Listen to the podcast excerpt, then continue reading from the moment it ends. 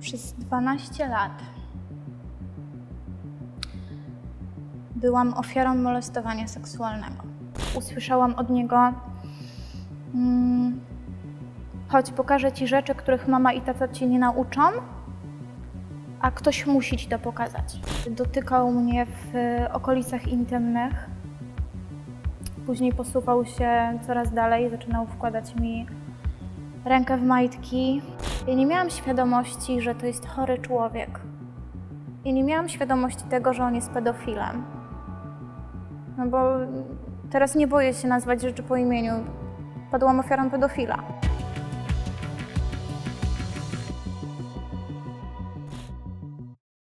Będąc dziewczynką, stałaś się ofiarą przemocy seksualnej. Kto wie? Wie moja mama, grupa najbliższych e, przyjaciół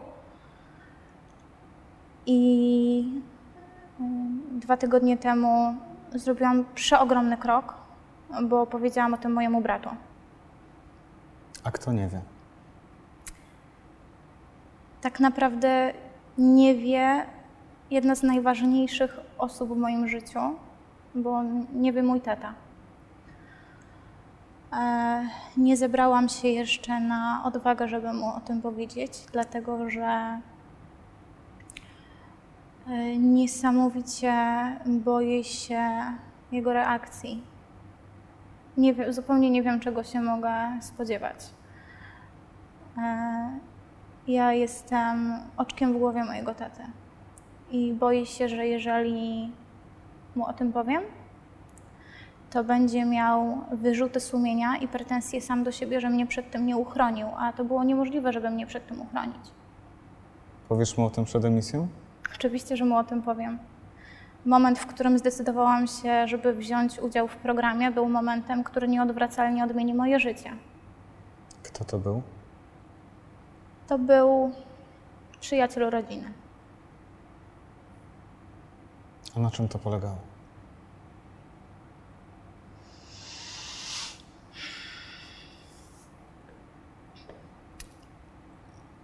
Przez 12 lat byłam ofiarą molestowania seksualnego. Cały proces zaczął się w momencie, kiedy byłam bardzo małym dzieckiem i nie jestem w stanie wskazać dokładnego momentu, kiedy to się zaczęło, dlatego że dla mnie to był po prostu oczywisty element życia. Wyobraź sobie, że jesteś małym dzieckiem, e, widujesz się z pewnym bardzo dojrzałym mężczyzną często, ponieważ jest on przyjacielem rodziny, więc jest on nieodłącznym elementem Twojego dorastania, e, przez co ma też ogromny wpływ na kształtowanie Twojej osobowości. I mówi Ci o tym, że pewne czynności, które z Tobą wykonuje, są dobre nie masz jeszcze własnej perspektywy, kiedy masz 5, 7, 8 lat. I z założenia wszystko, co mówi ci osoba, której ufasz, jest dobre. I tak też było ze mną. Ja absolutnie nie miałam wyobrażenia, że to, co robi ze mną ten człowiek, jest nadużyciem. Pewne czynności? To, co robi ze mną ten człowiek? Zaczynało się od tego, że dotykał mnie w y, okolicach intymnych. Później posuwał się coraz dalej, zaczynał wkładać mi rękę w majtki. Nigdy nie zostałam przez niego zgwałcona. Y, Natomiast wiem, że, że gdyby do tego się y, skłonił, no to wtedy już po prostu no narobiłabym rabanu i po prostu już byłby koniec, tak? Natomiast nie wiem, czy to dobrze, czy to źle, bo ja tak naprawdę do końca nie miałam świadomości tego, co się dzieje. To był dorosły człowiek, który brał czynny, no, czynny udział w moim wychowywaniu, był przyjacielem rodziny, więc był obecny w moim życiu, w moim dorastaniu, w moim dojrzewaniu, darzyłam go zaufaniem. To jest normalne, że jak jesteś dzieckiem i ufasz dorosłemu, no to wierzysz, że wszystko, co robi, jest dla Twojego dobra. I jeżeli dorosły, e, któremu ufasz, mówi tobie: Chodź, ja pokażę ci, co to jest dorosłość, bo i tak ktoś musi ci to pokazać. I lepiej, żebym to był ja, a nie ktoś obcy. Tak mówił? Tak mówił. Zdarzyło się, że usłyszałam od niego: mm, Chodź, pokażę ci rzeczy, których mama i tata ci nie nauczą, a ktoś musi ci to pokazać. I zobaczysz, że będziesz mi wdzięczna, że pokazuje ci to ja, a nie ktoś obcy. Czy początkowo miałaś świadomość, co się dzieje? Świadomość tego, co się ze mną dzieje, przyszła tak naprawdę bardzo późno. Y, Ja wychowywałam się w środowisku, w którym y, seks był tematem tabu. Y, Zarówno w domu, jak i w szkole nie poruszało się takich tematów. Mm, Nie było rozmów na temat seksualności. Y, temat nadużyć seksualnych w ogóle ja sobie nie zdawałam sprawy, że coś takiego istnieje. Nie, rozum, nie, nie rozumiałam, nie wiedziałam, nie znałam tego. E, więc jeżeli e, ten dorosły coś mi robił, no to to z założenia było dobre, więc ja nie utożsamiałam tego z jakąkolwiek krzywdą. Szczególnie, że wiesz, no on mnie nie bił, nie mówił mi przykrych rzeczy. On mnie przytulał, on dawał mi bliskość. Wiesz, ja się cieszyłam, że w momencie, kiedy jesteśmy w pomieszczeniu, ja mam jakiegoś dorosłego na wyłączność. Dziecko potrzebuje bliskości. Więc ja się cieszyłam, że ktoś mi poświęca uwagę. To się zmieniało z czasem, twój stosunek do tego, co się dzieje, do niego?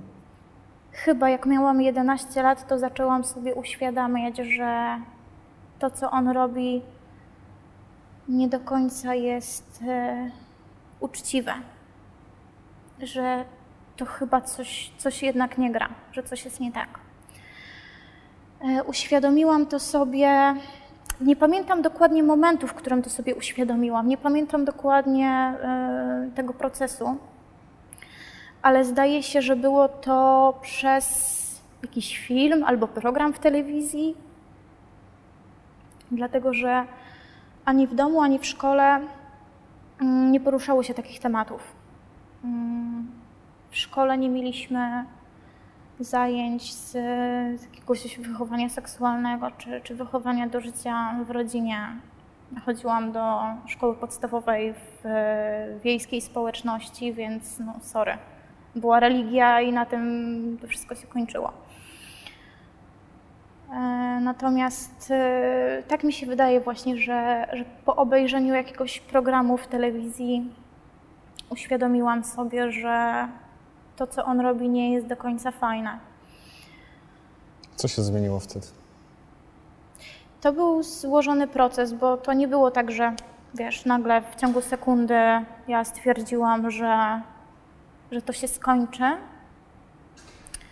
Tylko to był bardzo złożony proces. Pamiętam, że to się zbiegło w czasie ze śmiercią mojej babci, która mnie współwychowywała. E, I w momencie, kiedy ona odeszła, mm, to ja sobie uświadomiłam, że pewien etap mojego dzieciństwa się skończył i już nie wróci. Ale ja wychodzę z założenia, że ona właśnie w momencie swojej śmierci dała mi tą siłę, która, która cały czas w życiu jest, jest obecna i niesamowicie mi pomaga. Co się wtedy zmieniło? Wtedy miałam już taką zupełną świadomość tego, co się dzieje. E, W związku z tą świadomością zaczęło się niewyobrażalne poczucie wstydu. Wstydu. Wstydu. E, Było poczucie wstydu, było poczucie winy. Ty czułaś się winna?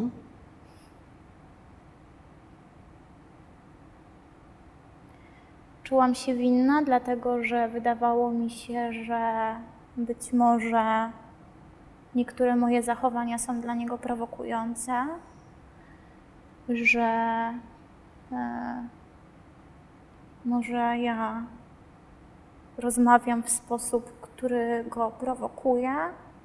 Ja nie miałam świadomości, że to jest chory człowiek.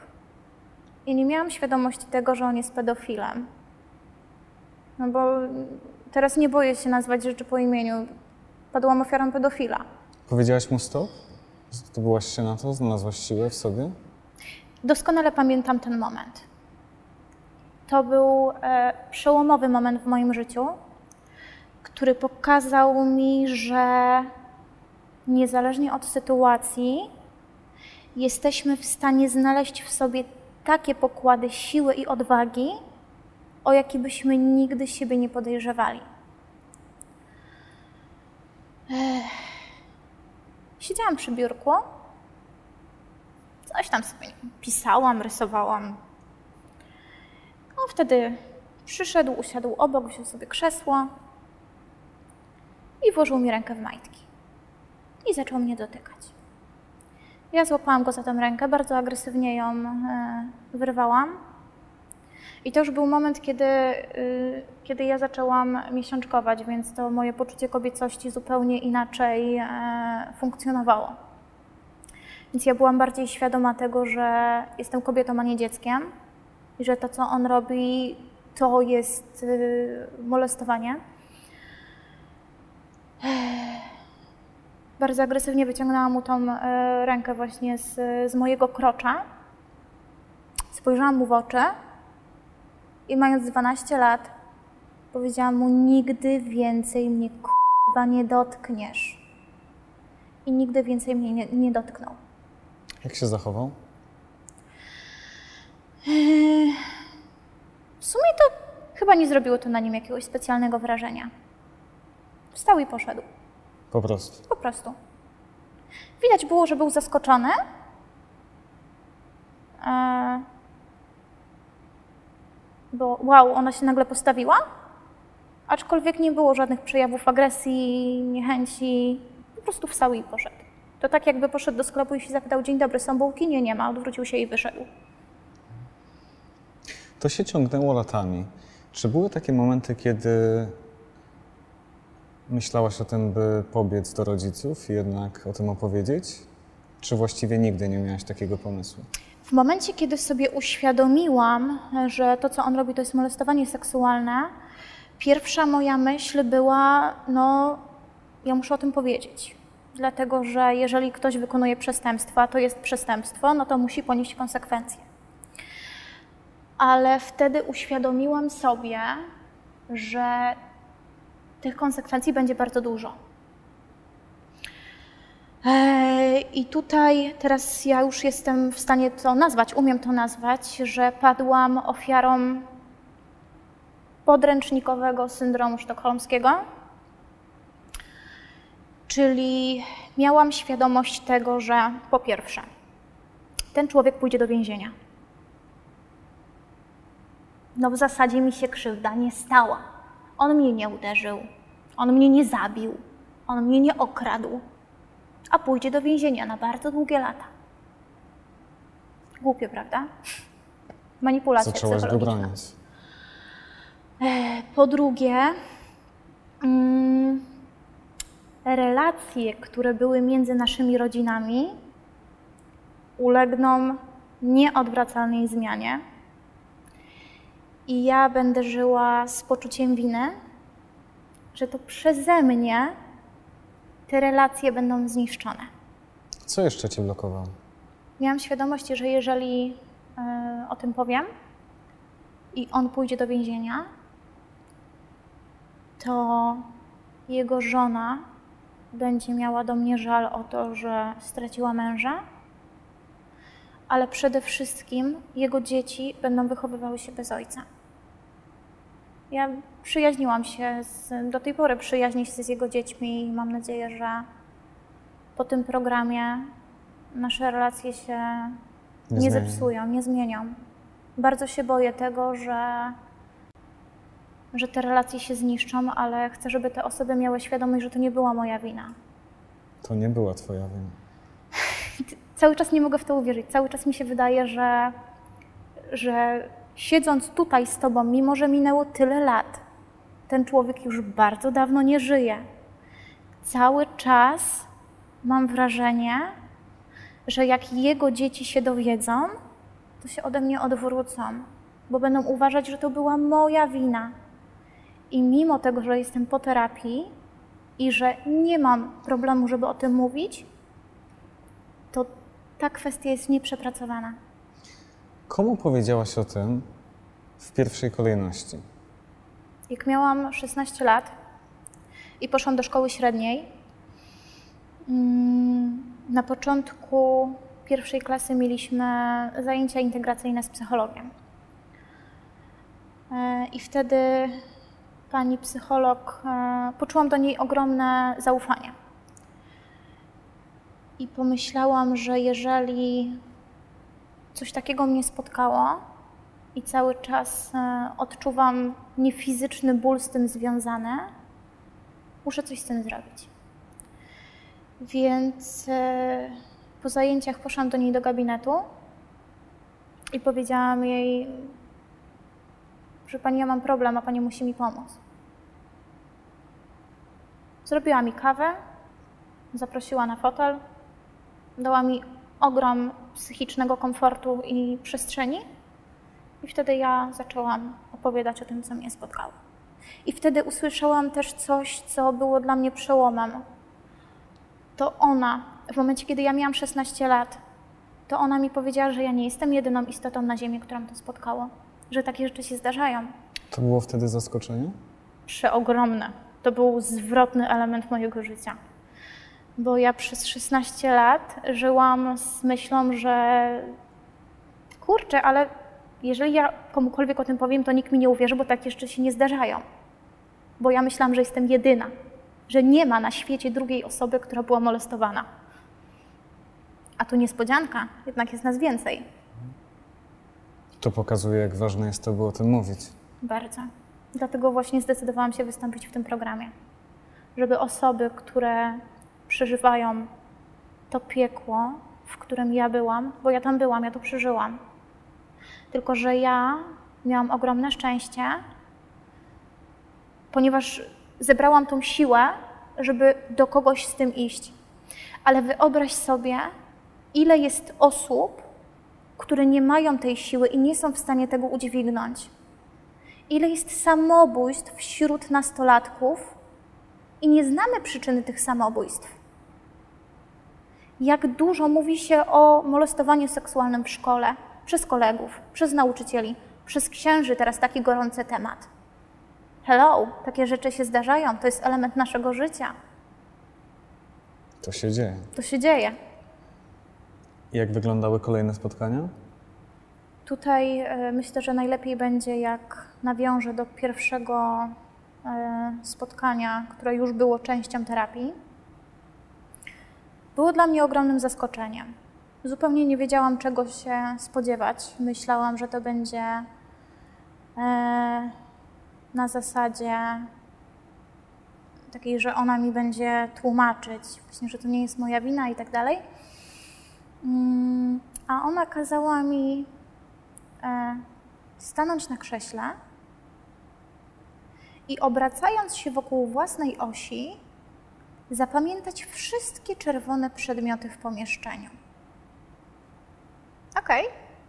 Pamiętam kubek, teczkę, moje buty, jeszcze kilka rzeczy. Po czym kazała mi y, usiąść w fotelu, zamknąć oczy i wymienić wszystkie niebieskie przedmioty, które widziałam. Ale jak to? No właśnie. O co chodziło w tym ćwiczeniu?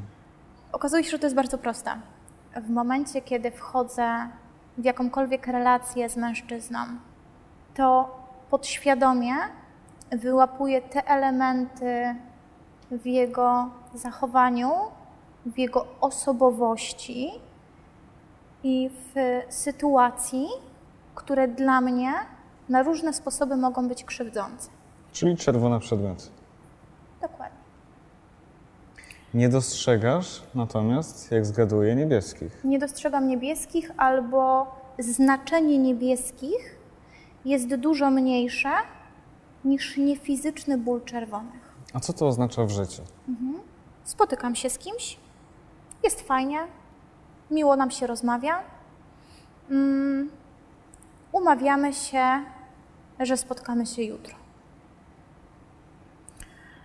E, piszemy ze sobą SMS-y albo do siebie dzwonimy. I nagle on przestaje się odzywać, bo na przykład jest w pracy. Fizycznie nie ma możliwości, żeby do mnie zadzwonić, napisać SMS-a.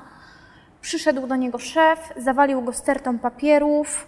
On mi pisze wiadomość: Przepraszam cię, ale nie możemy się dzisiaj spotkać. Mój mózg nie ma świadomości, że jest to kwestia niezależna od niego. Mój mózg mówi mi: Ty nie jesteś dla niego wartościowa. Mój mózg mówi mi: Są lepsze od ciebie osoby, z którymi on woli spędzać czas. Jednocześnie towarzyszył mi ciągły głód e, bliskości. W związku z czym mm, był taki czas, że wchodziłam w ogromną ilość e, bardzo bliskich relacji, które były jednorazowe. E, dlatego, że e, tymi czysto fizycznymi spotkaniami potrzebowałam uzupełniać sobie emocjonalne deficyty. Hmm moje poczucie własnej wartości było wtedy tak niskie, że wydawało mi się, że moje ciało to jest jedyne, czym jestem w stanie mężczyznę zainteresować. Dziś masz 25 lat. Czy masz poczucie, że ten temat jest y, przepracowany, domknięty, czy jeszcze nie? Nie mam problemu, żeby o tym rozmawiać. Mm, wręcz czuję potrzeby, żeby o tym mówić. Natomiast e, cały czas towarzyszy mi poczucie winy. I to jest coś, co no jeszcze, jeszcze potrzebuję, żeby, żeby to przepracować. E, miałam też takie sytuacje, które mm, pokazywały mi, że uwolnić się od tego piętna nie jest łatwo. E, zawód, który wykonuję na co dzień, opiera się na pracy z ludźmi, zarówno z kobietami, jak i z mężczyznami. E, trzy lata temu miałam sytuację, mm, w której jeden z moich klientów był fizycznie podobny do mojego oprawcy. E, I ja miałam świadomość tego, że ten człowiek już od dawna nie żyje, ale jednak e, no, coś tam się w środku poruszyło. E, prócz tego ten człowiek, e, akurat tak się złożyło, że ten człowiek był bardzo, bardzo roszczeniowy, bardzo nieprzyjemny, przez co ja w ciągu sekundy znowu byłam tą małą dziewczynką. Ja byłam tak skonfundowana, że, że ja nie byłam w stanie poradzić sobie z moimi codziennymi narzędziami pracy. Że zawód, który wykonywałam wtedy od 6 lat, był dla mnie po prostu czymś totalnie obcym. Wybiło ci to kompletnie? Całkowicie. Mm, wtedy y, podeszłam do menadżerki i powiedziała mi, że bardzo przepraszam, ale źle się czuję, boli mnie żołądek i niestety nie mogę przyjąć tego klienta. Mówię, jak chcesz, to mnie zwolnij, ale ja nie jestem w stanie tego klienta przyjąć. Ona mówi, okej, okay, dobra, weź luz, idź na dół, na zaplecze, w ogóle odpocznij, niczym się nie przejmuj. Drota, a gdybyś mogła cofnąć się w czasie, i spotkać z tą małą dziewczynką, o której wspomniałaś? Co byś jej powiedziała dzisiaj? Gdybym naprawdę miała możliwość, żeby ta dziewczynka była tu teraz ze mną, to powiedziałabym jej, kochanie, to nie jest Twoja wina. Trafiłaś na bardzo chorego człowieka, który zrobił Ci krzywdę i nie zrobił ci krzywdy z Twojej winy. Ty nie miałaś na to wpływu, bo ty nie wiedziałaś. Nikt cię nie nauczył, jak chronić swoje ciało. I nie mam tutaj absolutnie do nikogo żalu, oprócz oczywiście tego chorego człowieka. Nie mam żalu do moich rodziców. Wiem, że niesamowicie mnie kochają i gdyby tylko mieli taką możliwość, uchroniliby mnie przed tym. Zastanawiam się jeszcze nad tym, jak uchronić dziecko przed taką sytuacją. Środowisko, w którym ja się wychowywałam, było środowiskiem tematów tabu. Nie rozmawiało się z dziećmi na tematy ludzi dorosłych. Takie były czasy. Ja nikogo nie oceniam, nikogo nie oskarżam. Wiem, że moi rodzice dali mi tyle miłości, ile, ile byli w stanie. E, natomiast Ale dzisiaj są nowe czasy i możemy to zmienić. Tak. E, natomiast teraz, teraz są zupełnie inne czasy, są czasy zupełnie innej świadomości. Coraz częściej słyszy się o takich sytuacjach. E, I wiem, że to jest straszne za każdym razem, kiedy coś takiego się słyszy, ale nawet nie wiesz, jak bardzo ja się cieszę, że się o tym mówi. Bo gdybym ja, będąc dzieckiem, słyszała, że takie rzeczy się dzieją, to ja bym pobiegła do mamy, bym pobiegła do taty, ale ja nie wiedziałam. Więc to, co ludzie mogą teraz zrobić, żeby ochronić swoje dzieci, to rozmawiać, rozmawiać, rozmawiać. Nie robić z życia tabu. Twoja cipka jest Twoją własnością i nikt, komu nie dasz zgody na jej dotykanie, nie ma prawa jej dotknąć. Dorota, bardzo, bardzo dziękuję Ci za tę rozmowę. To ja dziękuję za to, że wreszcie znalazłam miejsce, w którym mogę opowiedzieć swoją historię, co być może pomoże osobom, e, które borykają się z tym samym problemem, a nie wiedzą jak zacząć. Jeszcze raz bardzo dziękuję. Dziękuję.